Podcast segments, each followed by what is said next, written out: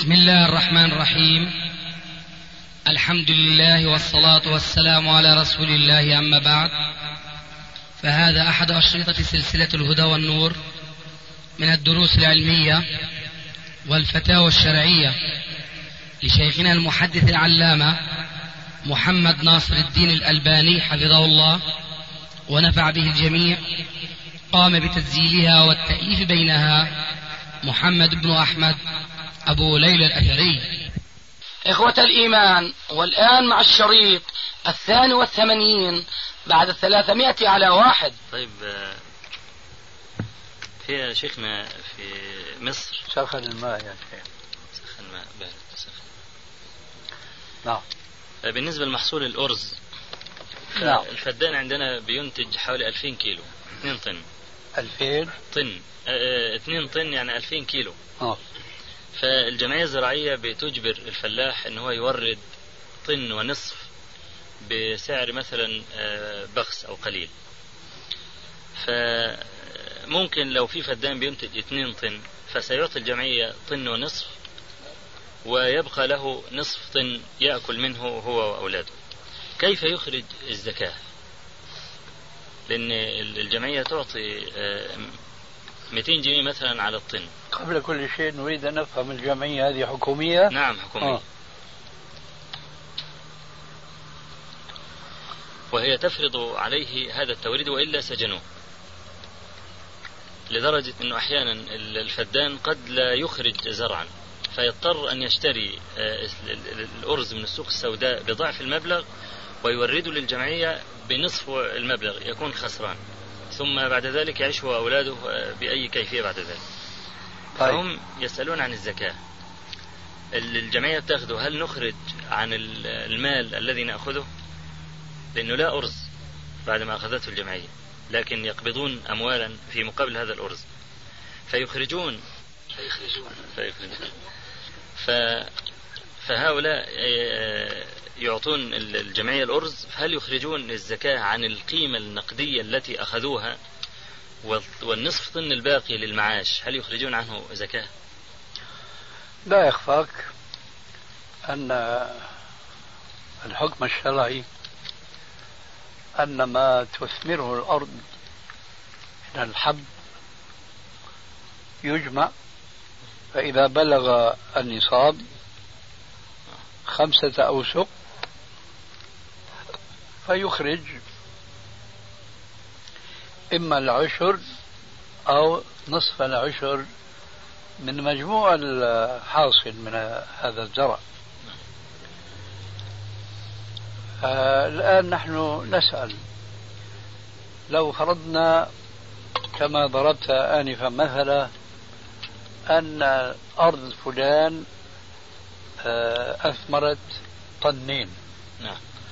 وكما فهمنا منك أنه مجبور أن يقدم للدولة وما نقول الآن الجمعية نعم. حتى ما يلتبس الأمر. مجبور أن يقدم للدولة طن ونصف نعم.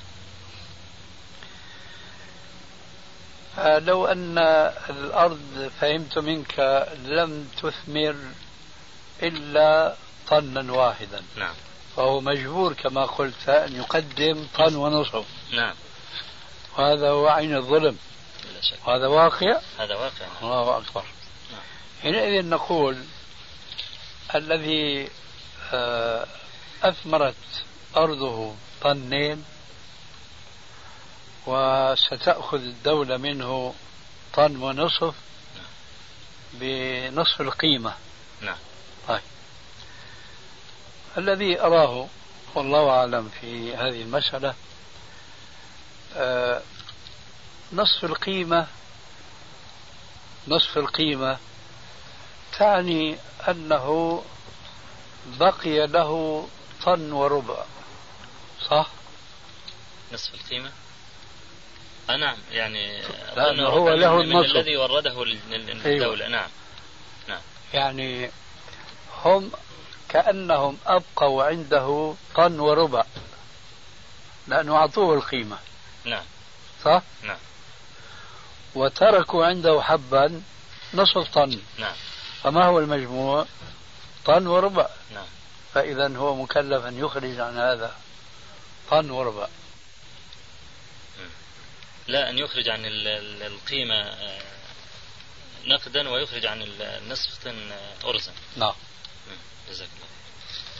في الشيخ الإسلام ابن تيمية رحمه الله أفتى في في مجموع الفتاوى أن الإمام إذا قام للركعة الخامسة أن المأمومين لا يتبعونه. فهل هذا معارض لحديث ابن مسعود في الصحيحين أن النبي صلى الله عليه وسلم صلى الظهر خمسة؟ لا أشك في ذلك. ونحن نعرف أن هذا الرأي يفتي به كثير من العلماء.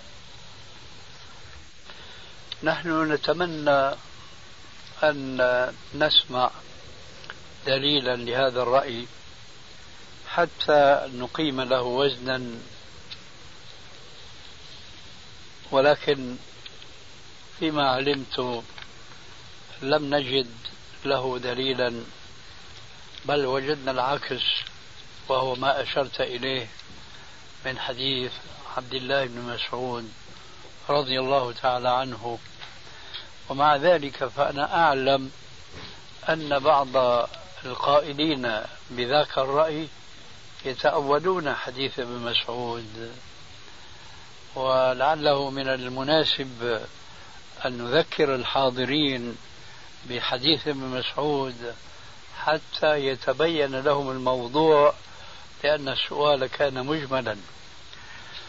حديث مسعود كما في الصحيحين أن النبي صلى الله عليه وآله وسلم صلى ذات يوم بأصحابه الظهر فصلى بهم خمسا. ولما سلم قالوا يا رسول الله أزيد في الصلاة؟ قال لا. قالوا صليت خمسا. فسجد رسول الله صلى الله عليه وآله وسلم آه، سجدتي السهو ثم سلم. ثم قال عليه الصلاة والسلام إنما أنا بشر مثلكم أنسى كما تنسون ويرحمك الله. فإذا نسيت فذكروني. إنما أنا بشر مثلكم أنسى كما تنسون فإذا نسيت فذكروني. انتهت القصة إلى هنا. والذين يقولون بأن الإمام إذا قام إلى الخامسة لا يتابع يقولون إن هذه الحادثة كانت في وقت لما يتم فيه التشريع بعد. ونحن نقول جوابا عن هذه الإشكال أو هذا الجواب نقول لو أن الأمر كان كذلك لبين النبي صلى الله عليه وآله وسلم حكم هذه المسألة إذا ما وقعت بعد تمام التشريع أي بعد نزول قوله تعالى اليوم أكملت لكم دينكم وأتممت عليكم نعمتي ورضيت لكم الإسلام دينا. أما والنبي صلى الله عليه وآله وسلم قد مات وارتفع إلى الرفيق الأعلى دون أن يأتي بشيء جديد. يعدل ما فعل أصحابه معه عليه الصلاة والسلام. الجواب الذي حكيناه آنفا عن أولئك الناس مردود مرفوض وبخاصة أنه يوجد لدينا دليل عام يأمرنا فيه رسول الله صلى الله عليه وسلم. أن نتابع الإمام متابعة تامة كاملة ولا علينا بعد ذلك أصاب أم أخطأ ألا وهو قوله عليه الصلاة والسلام إنما جعل الإمام ليؤتم به. وفي رواية أخرى إنما جعل الإمام ليؤتم به فلا تختلفوا عليه. والحديث تمام معروف فإذا كبر فكبروا وإذا ركع فاركعوا وإذا قال سمع الله لمن حمده فقولوا ربنا ولك الحمد وإذا سجد فاسجدوا وإذا صلى قائما فصلوا قياما وإذا صلى قاعدا أو جالسا فصلوا قعودا أو جلوسا أجمعين. فنحن نلاحظ في هذا الحديث أن النبي صلى الله عليه وسلم جعل من تمام الائتمام بالإمام أن يدع المؤتم ما يجب عليه أصلا أن يتحقق به وإلا كانت صلاته باطلة. ألا وهو القيام بالنسبة للمستطيع للقيام. فوجدنا الرسول عليه الصلاة والسلام. في هذا الحديث الصحيح قد أسقط هذا الركن عن المستطيع له لا لشيء إلا تحقيقا لتمام القدوة منه بإمامه وعدم التظاهر عليه بمخالفته. وإذ الأمر كذلك فنحن نأخذ من هذا تنبيها عظيما جدا أنه إذا قام الإمام ساهيا إلى ركعة الخامسة فلماذا نقول لا نتابعه؟ لأنهم يرجعون إلى الأصل وهو أن من قام إلى الخامسة وهو ذاكر فقد بطلت صلاته. ذلك لأن كما يقولون في بعض البلاد الزايد أخو الناقص. فمن صلى المغرب ركعتين عامدا فصلاته باطلة. ومن صلى الصبح ثلاثا عامدا فصلاته باطلة. ومن صلى الرباعية خمسا فأيضا صلاته باطلة. فهم يقولون إذا قام الإمام ساهيا إلى الخامسة والمقتدي ذاكر فلا ينبغي أن يتابعه. نحن نقول لا بل عليه أن يتابعه بعد أن يذكره وأن يفتح عليه كما هو السنة.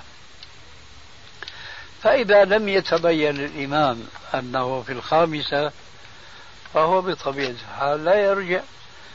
فينبغي علينا أن نتابعه كما تابعناه فيما هو ترك منا لركن من أركان الصلاة.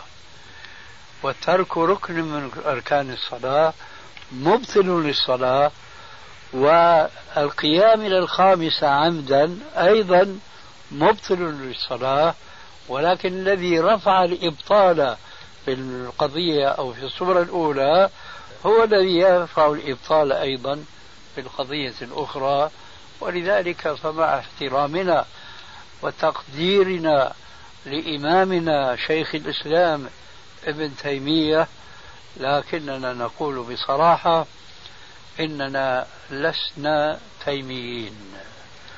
ولو أردنا أن نكون تيميين أنا شخصيا لكنت من الحنفيين خاصة أن آبائي وأجدادي كذلك كانوا مذهبيين ولكننا لما نبهنا بفضل السنة على أنه لا يجب بل لا يجوز للمسلم أن يؤثر قول أحد على ما جاء في الكتاب والسنة لذلك ندع رأي ابن تيمية له معتقدين أنه مأجور على كل حال لكن لا يجوز لنا بأي حال أن نقلده وأن نعرض عن الأدلة الشرعية التي لفتنا النظر آنفا إلى بعضها هذا ما عندي نعم. وشكر الله لك.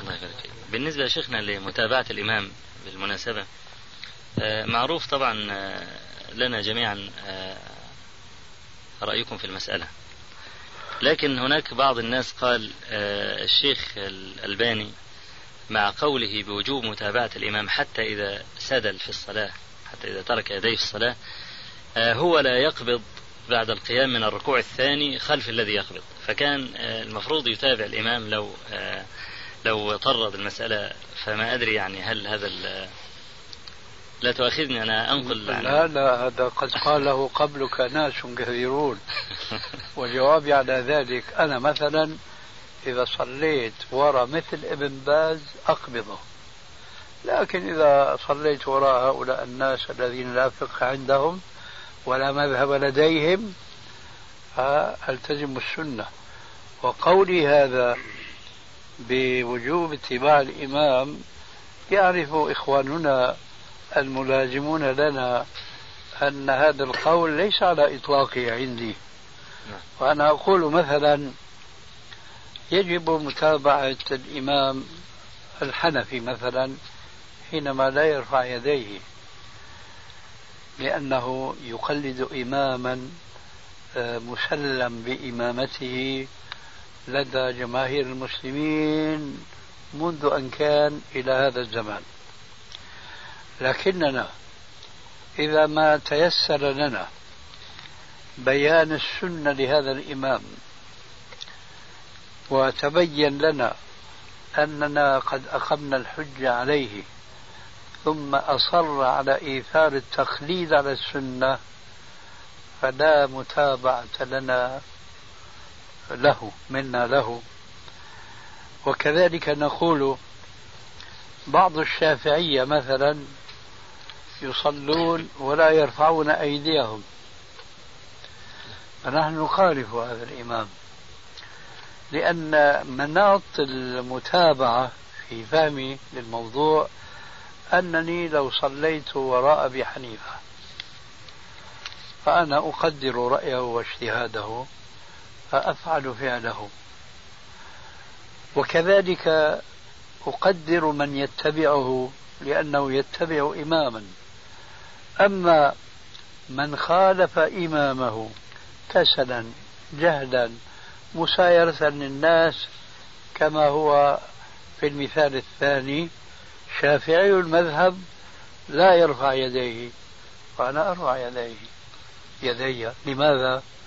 لأنه يخالف السنة أولا ويخالف إمامه ثانيا. والمسألة بالنسبة للإمام الحنفي على العكس من ذلك. فأنا إذا اقتديت بإمام لا أعرفه ولا مناقشة بيني وبينه وأجده لا يرفع يديه بناء على مذهبه أي على اتباعه لإمامه فلا فرق عندي حينئذ.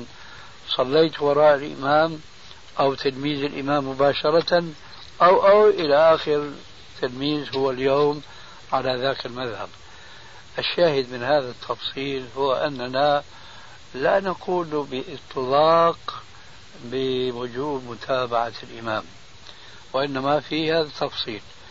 فإذا اقتديت وراء إمام له رأيه له اجتهاده فأنا حينئذ أؤمن القاعدة. أما إذا اقتديت بإنسان وجدته في فيما عندي من فهم للقاعدة أنه قد خرج عنها فأنا أظل متابعا للسنة ولا أتابعه هو على خطئه. لعل في هذا التفصيل تقييدا لذلك الإطلاق الذي على أساسه ورد الإشكال. لكن شيخنا آه، بالنسبة للسدل يعني هذا لا أصل له في السنة يعني ترك اليدين في الوقوف لا أصل له في السنة. وبعدين علماء ال- ال- المالكية ضعفوا آه، رواية ابن القاسم عن الإمام مالك في ترك اليدين في حال القيام. إذا هذا القول يعني ليس له دليل عن إمام المذهب. واستنكره أكابر ال- العلماء ال- الم- المالكيين. هذه مسألة جانبية عن الموضوع. لا يعني لو صليت أنا خلف إمام يزعم أنه مالكي وترك يديه. نعم. فهذا لا إمام آه، قلد ولا سنة اتبع. نعم. فماذا أفعل خلفه؟ أترك يدي؟ لا أنت تقبض لما يكون رأيك هكذا. نعم. لكن لما تكون المسألة ليس كذلك كما ضربنا مثلا في رفع اليدين. نعم. المسألة فيها التفصيل الذي ذكرناه آنفا. جزاك الله نعم. طيب شيخنا في كتاب الإمام الشاطبي الموافقات آه، قال هذه العبارة. قال إن فتوى العالم بالنسبة للعامي كالدليل بالنسبة للمجتهد. نريد آه، توضيح لهذه العبارة. إن هل يأثم العام إذا خالف فتوى الإمام كما يأثم المجت... العالم إذا خالف الدليل؟ بلا شك أقول بقولة الإمام الشاطبي. لا شك أن العامية إذا خالف فتوى المفتي له دون آه، عذر شرعي فهو متبع لهواه أولا ثم هو مخالف لمقتضى قول ربنا تبارك وتعالى فاسألوا أهل الذكر إن كنتم لا تعلمون. ربنا عز وجل حينما أمر في هذه الآية عامة الناس بأن يسألوا أهل العلم ترى هل من إنسان يعقل عن ربه عز وجل ما يأمر به؟ يفهم من هذه الآية. فاسألوا أهل الذكر إن كنتم لا تعلمون. فيقول ثم هو إن شاء فعل بما أفتاه المفتي وإن شاء لم يفعل هل أحد يفهم هذا الفهم؟ أم الفهم الصحيح؟ فاسألوا أهل الذكر إن كنتم لا تعلمون لتعملوا بما يفتيكم أهل العلم. هل من خلاف في أن صواب في فهم الآية هو هذا؟ هو كذلك.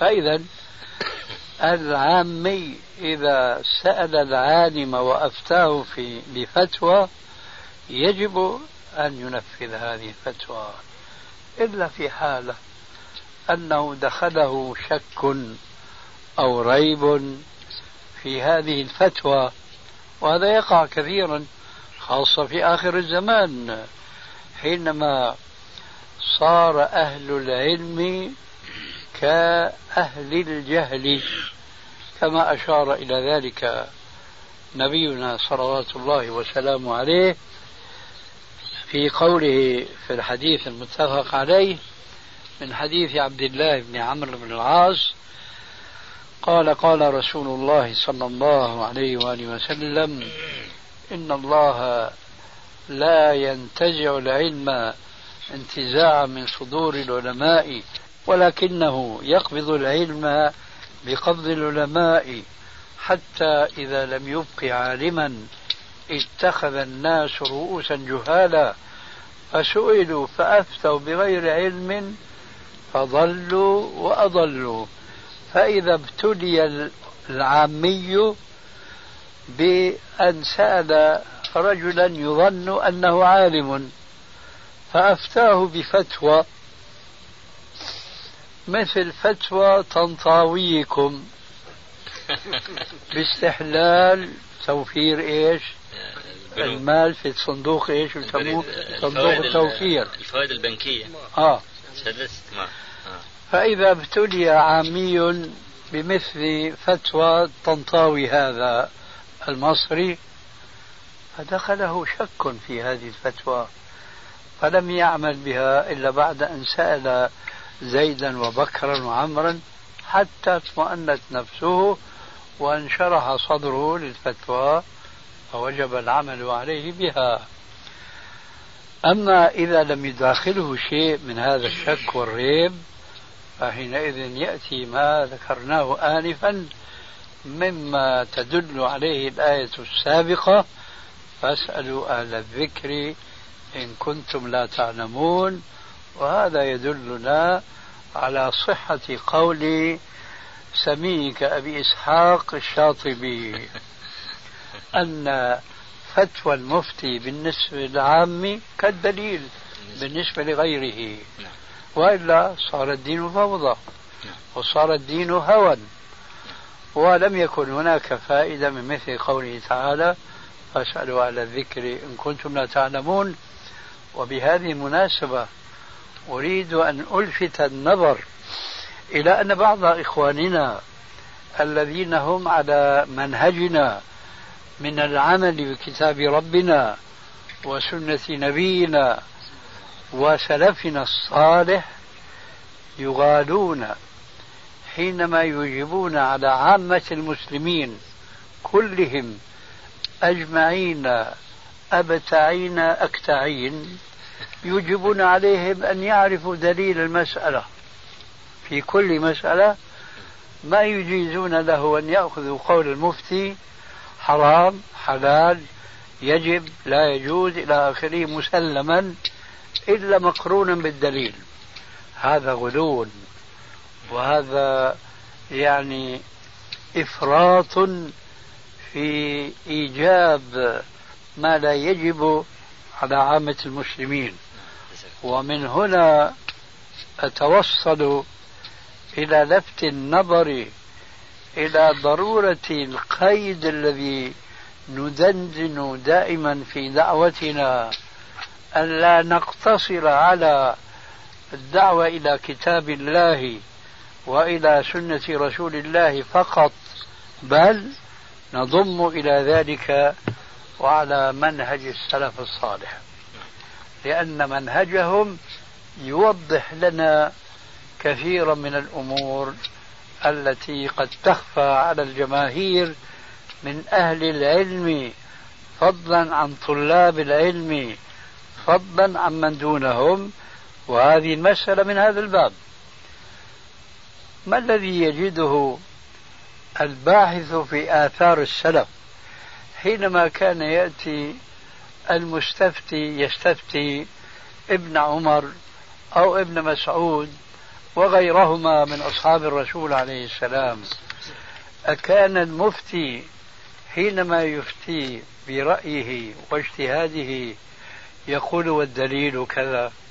لا قد يقع هذا أحيانا ولكنهم كانوا غير ملتزمين لذلك. هذه نعرفه بالتواتر. أنه لم يكن من منهج السلف أن يفتوا عامة الناس. خذ مثلا قضية لها علاقة بفريضة من الفرائض في قسمة إرث من المواريث. فيقول لفلان الثلث والآخر الربع وإلى آخره والله أنا أعترف بنفسي أنني لا أستطيع أن أفهم حتى اليوم دليل هذه التفاصيل. فكيف للعامة من المسلمين أن يتمكنوا من معرفة أدلة هذه التفاصيل. لم يكن عمل السلف على هذا التشديد بأن كل فتوى على كل مفت أن يقرن فتواه بالدليل وأن كل مستفت عليه أن يطالب في كل ما يستفتي فيه بالدليل. هذا ما أردت لفت النظر إليه. لكني أرى أن نقف قليلا لأني أجد إخواننا قد بدأ النعاس يداعبهم يداعب أجفانهم. فلننتقل الآن إلى مواضيع آه، خاصة أن صاحبنا ظهر العرق في جبينه. استراحة قليلا يعني. ممكن نصلي العشاء في نعم. يقول أحسن شيء تفضلوا أذنوا الإمام في الخامسة يعني استدلالكم بحديث ابن مسعود.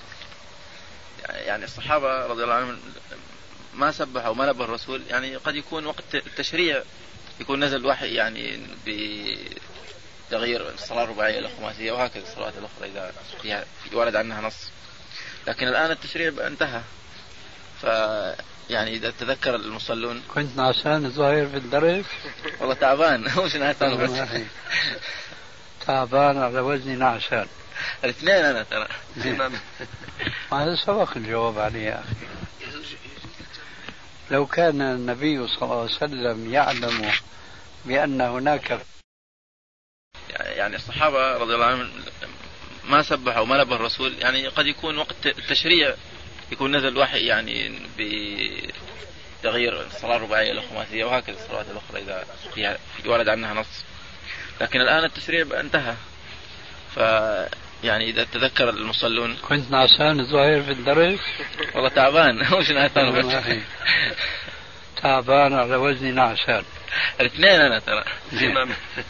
هذا سبق الجواب عليه يا أخي؟ لو كان النبي صلى الله عليه وسلم يعلم بأن هناك فرقا بين آه، في هذا الحكم بين ما هو وقع قبل تمام التشريع وبين بعد التشريع لا بين ذلك.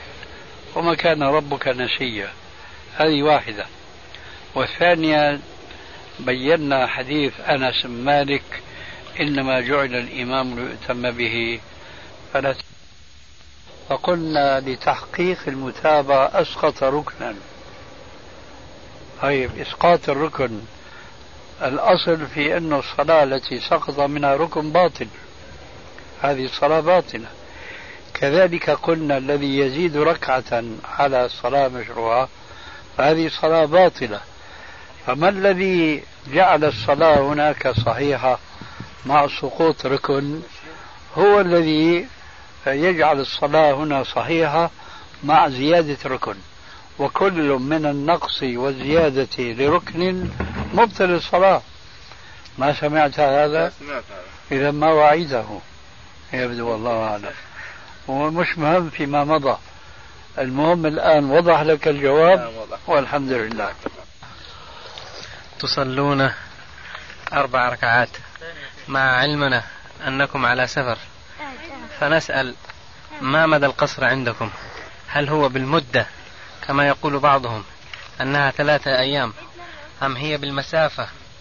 أرجو التفصيل والإيضاح. جزاكم الله خير.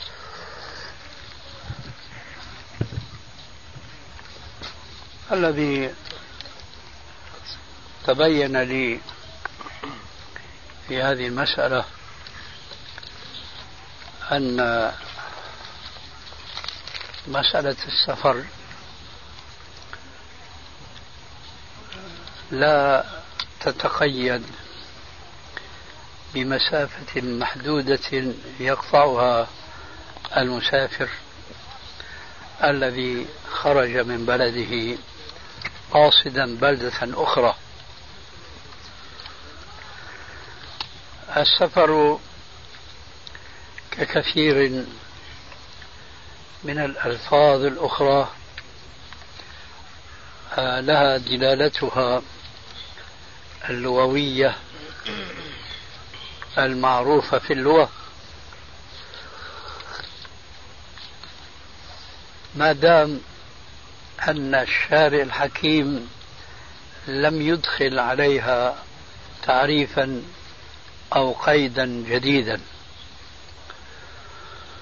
مثلا ربنا عز وجل ذكر فيما يتعلق بصيام رمضان فمن كان منكم مريضا أو على سفر فعدة من أيام أخر.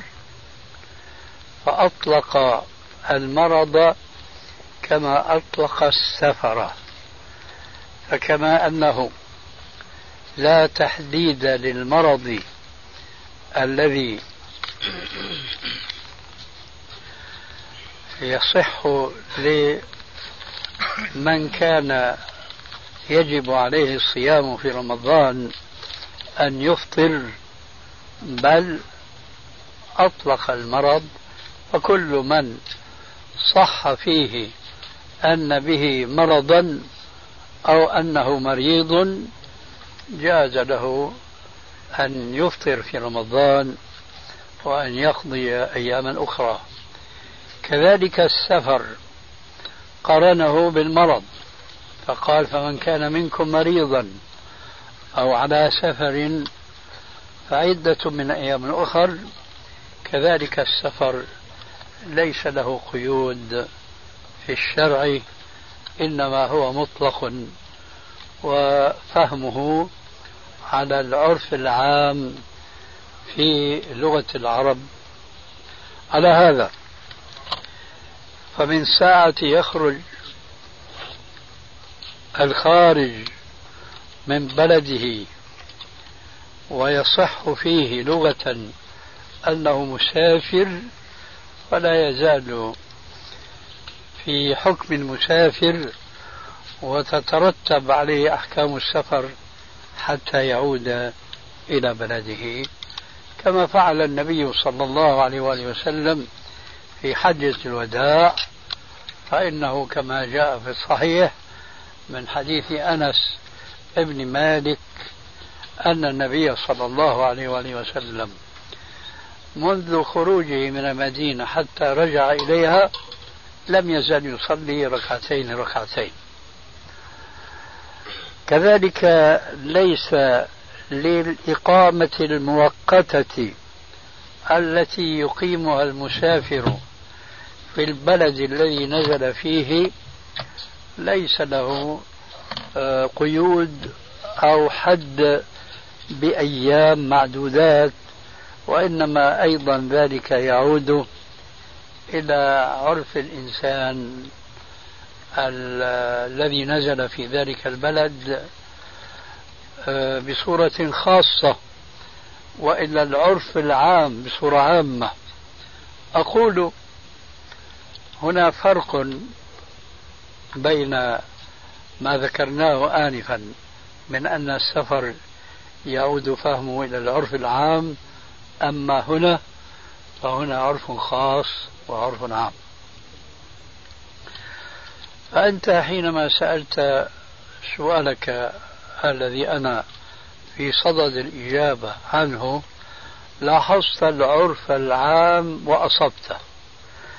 لكن العرف الخاص المتعلق به هذا لا يمكن معرفته إلا بالسؤال كما فعلت. أهل العلم يذكرون مسألة النص عليها أن الرجل لو كان له زوجتان إحداهما في بلدة والأخرى في بلدة أخرى فهو إذا خرج من زوجته الأولى إلى زوجته الأخرى ما بينهما مسافر ولكنه مقيم عند كل منهما. على نحو ذلك رأيت والرأي معرض للخطأ أنه كذلك من خرج مسافرا ثم نزل عند ابنه أو عند ابنته واستقر به القرار فهو في حكم المقيم وهذا شأني أنا. فأنا نازل عند صغري هذا همام فما دمت عنده وفي بلده فأنا مقيم. وإذا ما خرجت من عنده ودخلت في الحكم العام وهو السفر لعل في ذلك جوابا لما سألت. الله يرفع شيخنا أعزك الله. قول العلماء كابن رجب وغيره أن الأصل في الذبائح والفروج الحرمة. الأصل في الذبائح والفروج أيوة. نعم. إيه. والفروج الحرمة. آه، معنى هذا إذا دعيت عند أحد وقدم لي لحما أسأل عنه لاحتمال أن يكون غير مذبوح أو نحو ذلك؟ ولما خصصوا هذين فقط؟ أما الأصل في الفروج الحرمة فهذا ما يحتاج لبحث أو نقاش لأن الحديث في ذلك صريح. ألا إن دماءكم وأموالكم وأعراض حرام عليكم. كحرمة يومكم. هذا إلى آخر الحديث الذي تكلم به عليه الصلاة والسلام في حجة الوداع أما أن الأصل في الأضاحي قرنها مع الفروج فهذا في الواقع شيء لم يمر علي فيما قرأت من كتب العلماء. والآن العهدة على الناقل وعلى الراوي. فإن قال بهذا قائل فنحن لا نتورع عن أن لا نعمل به إلا بالتفصيل التالي. لا أرى صواب إطلاق القول أن الأصل في الأضاحي التحريم إلا بشيء من التفصيل. لو كان المسلم يعيش في بلد يعلم يقينا أن أهل البلد يذبحون على السنة.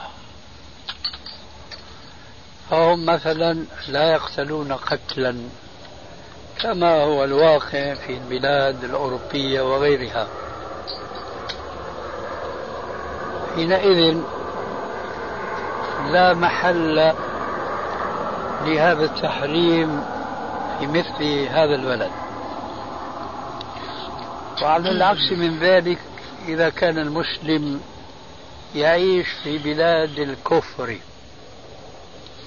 وكان من عادتهم أنهم لا يذبحون ذبائحهم وإنما يقتلون قتلا. هنا يرد القول المذكور آنفا. وهناك صورة ثالثة وسط بين الصورة الأولى والأخرى هو في بلد فيه من يذبح على الشرع ومن يخالف الشرع. فهنا نقول دع ما يريبك إلا ما لا يريبك لكن لعل ابن رجب يعني معنى غير هذا وينبغي إعادة النظر في سباق الكلام وسياقه فهل تذكر المناسبة التي قال فيها هذه الكلمة؟ نعم. طيب هل تذكر المصدر؟ أين قال هذا؟ أظن كان أشار إليها في جامع العلوم والحكم. وتحت أي حديث؟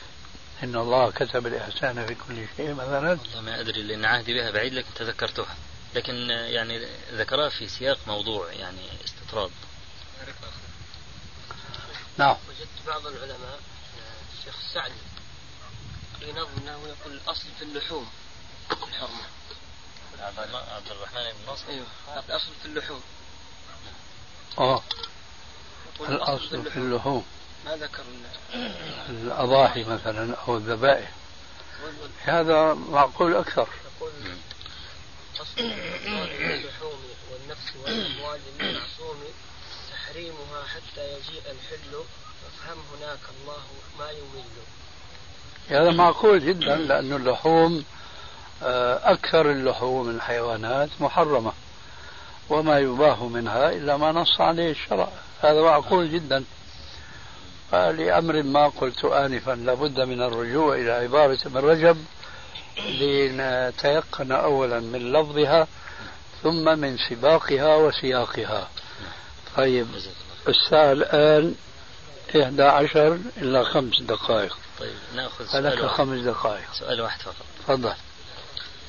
بالنسبة لاستقراء العالم الإمام المجتهد في الفن كعلم الحديث مثلا إذا آه، تصادم استقراؤه مع قاعدة منصوص عليها في الفن. منصوص عليها؟ في الفن يعني في في, في نفس هذا الفن. نعم.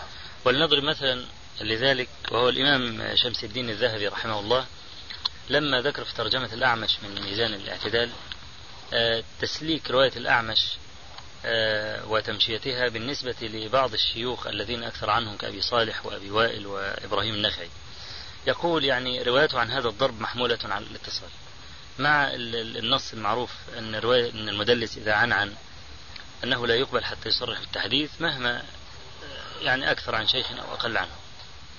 فهنا يعني ربما يلاحظ أن الإمام الذهبي اعتبر الكثرة يعني قال إلا في شيوخ أكثر عنه طب لماذا لم يعتبر الكثرة في رواية أبي الزبير عن جابر وكلاهما مدلس. فهذه مسألة يعني تحتاج إلى إمام يعني يفصل في نعم.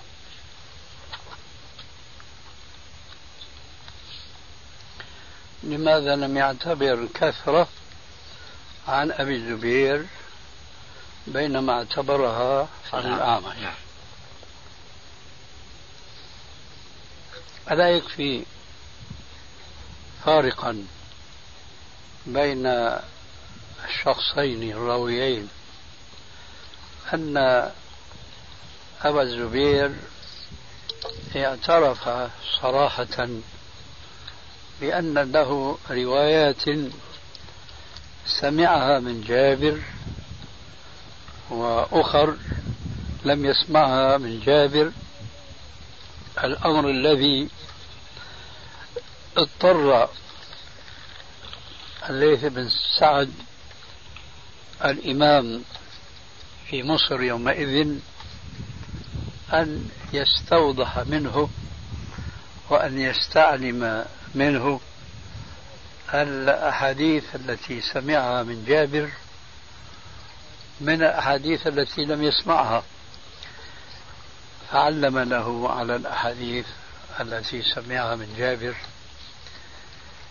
فهنا ظهر للذهب وغيره آه، طريق لتمييز ما صرح به أو ما رواه مباشرة عن جابر من ما لم يروي عنه مباشرة.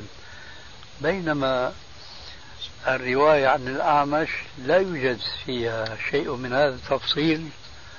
اضطر إلى أن يجد بديلا عن هذا الذي حصل عليه الليث فوجد هناك الكثرة التي لم يحتاج إليها في ما يتعلق برواية ابن الزبير عن جابر هذا الذي يبدو لي الله أعلم. طب فإنه من الممكن أن يكون هناك وجه آخر من حيث تفاوت الشيخين الأعمش وأبي الزبير في الإكثار من التدليس والتقليل منه فهذا يكون مسوغ آخر لاعتبار كثرة الرواة عن الأعمش فتميل النفس حين ذاك أن هذا الذي يكثر من الرواية عن الأعمش يكون أعرف بمن كانت روايته قليلة أو لا يدلس نعم إيش فيه؟ لكن غيرت؟ نعم لكن خلاص؟ نعم طيب شيخنا نعم. بالنسبة لي بغض النظر عن الكثرة والمقارنة بين الأعمش والزبير آه، ألا ترون أن فهم الإمام الذهبي أيضا مناقض لتعريف تدليس الإسناد وهو أن يروي الراوي عن شيخه الذي سمع منه ما لم يسمع منه؟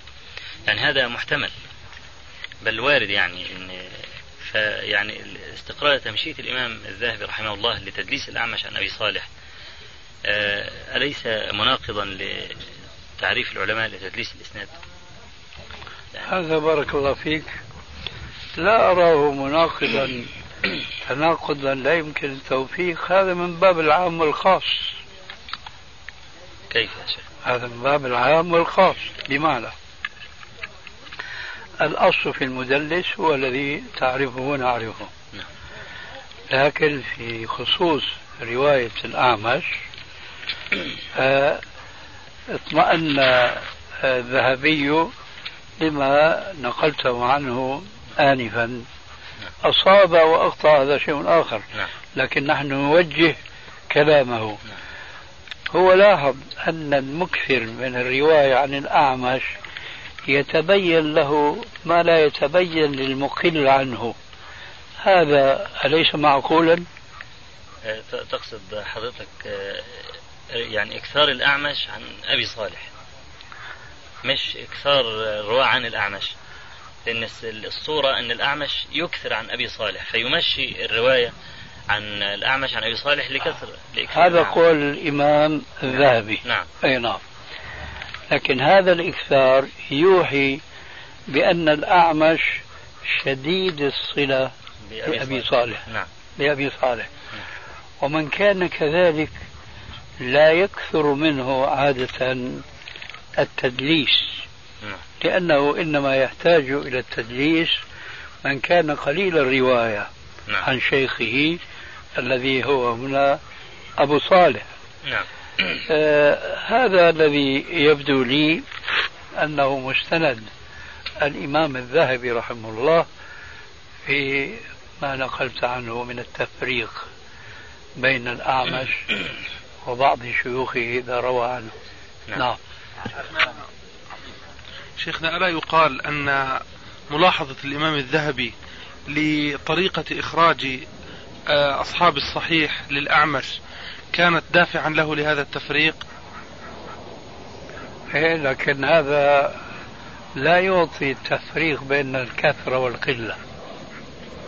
بالاستقراء لاحظ لعله الكثرة. في رواية آه، الأعمش عن شيخه أبي صالح. لذلك قال ونحوه. وما ذكر أبا صالح فقط بل قال ونحوه. لا قال أبو صالح وأبو وائل وإبراهيم النخعي وهذا الضرب. إيه نعم. وهذا الضرب. نعم. ثم شيخنا شيء آخر. يعني الإشكال اللي ضربه أخونا أبو إسحاق يعني أو مش الإشكال الإلحاق بأبي الزبير بالأعمش هذا ينجر على كل المدلسين. نعم. فبالتالي يعني تخصيص أبي, أبي الزبير بالذكر الزبير لأن الحافظ الذهبي آه، يعني آه، لا يسوي بين عنعنة أبي الزبير بالذات من أنه مكثر آه، وعنعنة الأعمش. يتوقف في عنعنة أبي الزبير حتى في بعض الأحاديث في صحيح مسلم. هو إيه نعم. يتوقف فيها. باقي المدلسين من باب أولى. طيب. ممكن ممكن ابن إسحاق عن الزهري ما هو مكثر عن الزهري عن الزهري. فممكن يعامل معاملة الأعمش من حيث الإكثار. ومع ذلك وابن لم جريج يفعل. عن عطاء وهكذا. ومع ذلك لم يفعل. ولم يفعل صحيح. ف- على كل حال يمكن أن يكون لاحظ شيئا نحن ما ظهر لنا ذلك. الله أعلم. لا آخر ما سبق الآن 11 و5 جزئية في التدليس فقط وننتهي. آه، تفضل. بالنسبة للراوي الذي يدلس تدليس تسوية كالوليد بن مسلم. صورة تدليس تسوية أن يعنعن في شيخ شيخه. فلو فرضنا أنه عنعن في شيخه وصرح في بقية طبقات السند هل يقبل ولا يقال عنعن؟ يعني ابن بن مسلم يروي عن الأوزاعي عن شيخه. فالمطلوب منه أن يصرح فيما فوق شيخه فصاعدا لأن الصورة هنا. فلو قال عن الأوزاعي قال حدثني فلان قال سمعت فلان قال سمعت فلان. لا لا يقبل إلا إذا صرها في كل الطبقات بالتحديث والسبب في ذلك هذا قالوا به أنه لا يقبل إلا إذا صرح بالسماع في كل الطبقات. والسر في ذلك فيما يبدو لي أن تدليس التسوية أسوأ من تدليس الشيوخ أو العنعنة آه، عن الشيخ مباشرة. الذي يدلس تدليس التسوية لا يبعد أن يقع في تدليس الذي هو دونه. نعم. ولذلك اشترطوا بأن يصرح في كل طبقات السند. لكن لو مثلا كان هذا الراوي لا يدلس إلا التسوية فقط. وأنا أقول هذا الجواب سؤالك. لا يعني الاحتمال قد يرد في الذي يعني جر- جرب عليه تدليس الإسناد لا ما هو. شرط. يعني الوليد بن مسلم أنت ضربت به مثلا ما وصفوه بالتدليسين؟ وإنما. وصفوه بتدليس التسوية. نعم. ومع ذلك اشترطوا في صحة حديثه نعم. إذا كان قد صرها بالتحديث في كل طبقات السند يلزمه أن يصرح عن شيخه أيضا. أي نعم. جزاكم الله خيرا. سبحانك اللهم وبحمدك. هذا أشهد أن لا إله كنت إلا أنت ذكرت لي في هذا أن تدليس التسوية زائد على التدليس العادي وليس منفصلا عنه أنه نعامل هذا بالشيء وهذا بالشيء. فينبغي أن نعامله بتدلي- بالتدليس العادي ثم بتدليس التسوية. إيه، هذا أولى لا. أي نعم. يا الله. جزاك الله خير وإياكم. الله يجزيك الخير يا شيخ. الله يحفظك. أقمت الصلاة. أظن الله أكبر.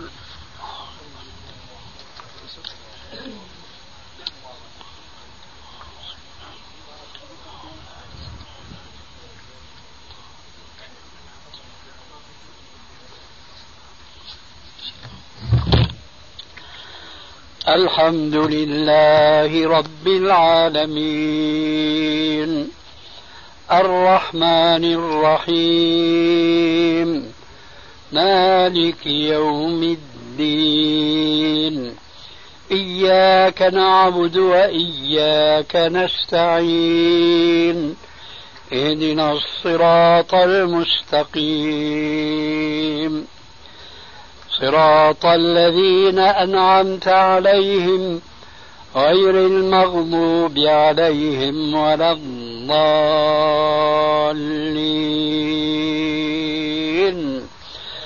آمين.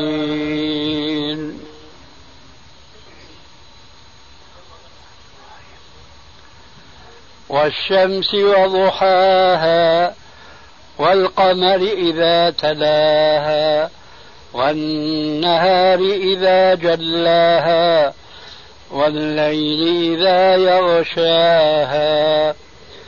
والسماء وما بناها والأرض وما طحاها. ونفس وما سواها فألامها فجورها وتقواها. قد أفلح من زكاها وقد خاب من دساها. كذبت ثمود بطغواها إذ انبعث أشقاها. فقال لهم رسول الله ناقة الله وسقياها. فكذبوه فعقروها فدمدم عليهم ربهم بذنبهم فسواها ولا يخاف عقباها.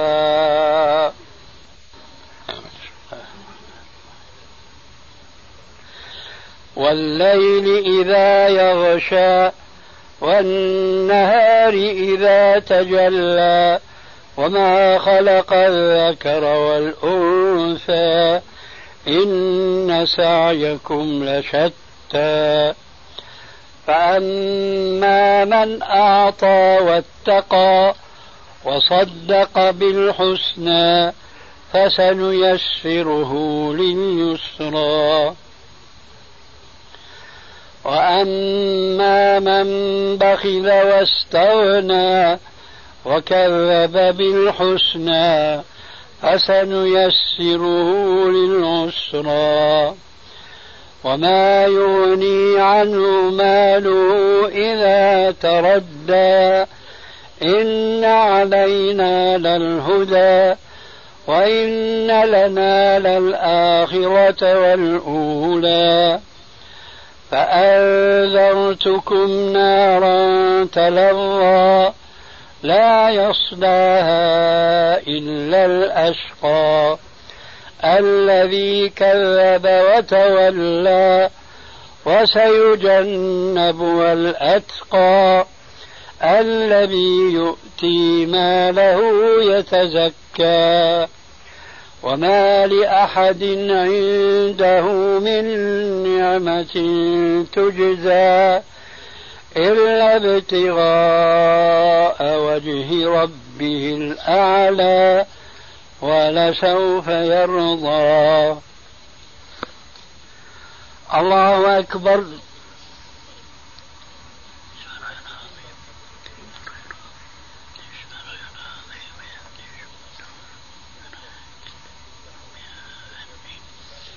سمع الله لمن حمده.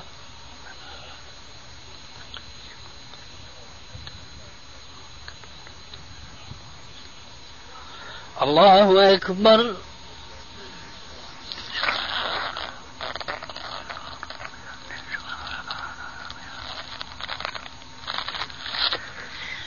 الله أكبر.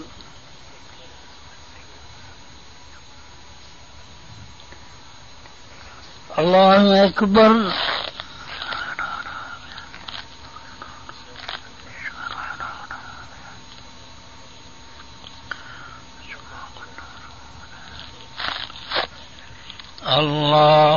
أكبر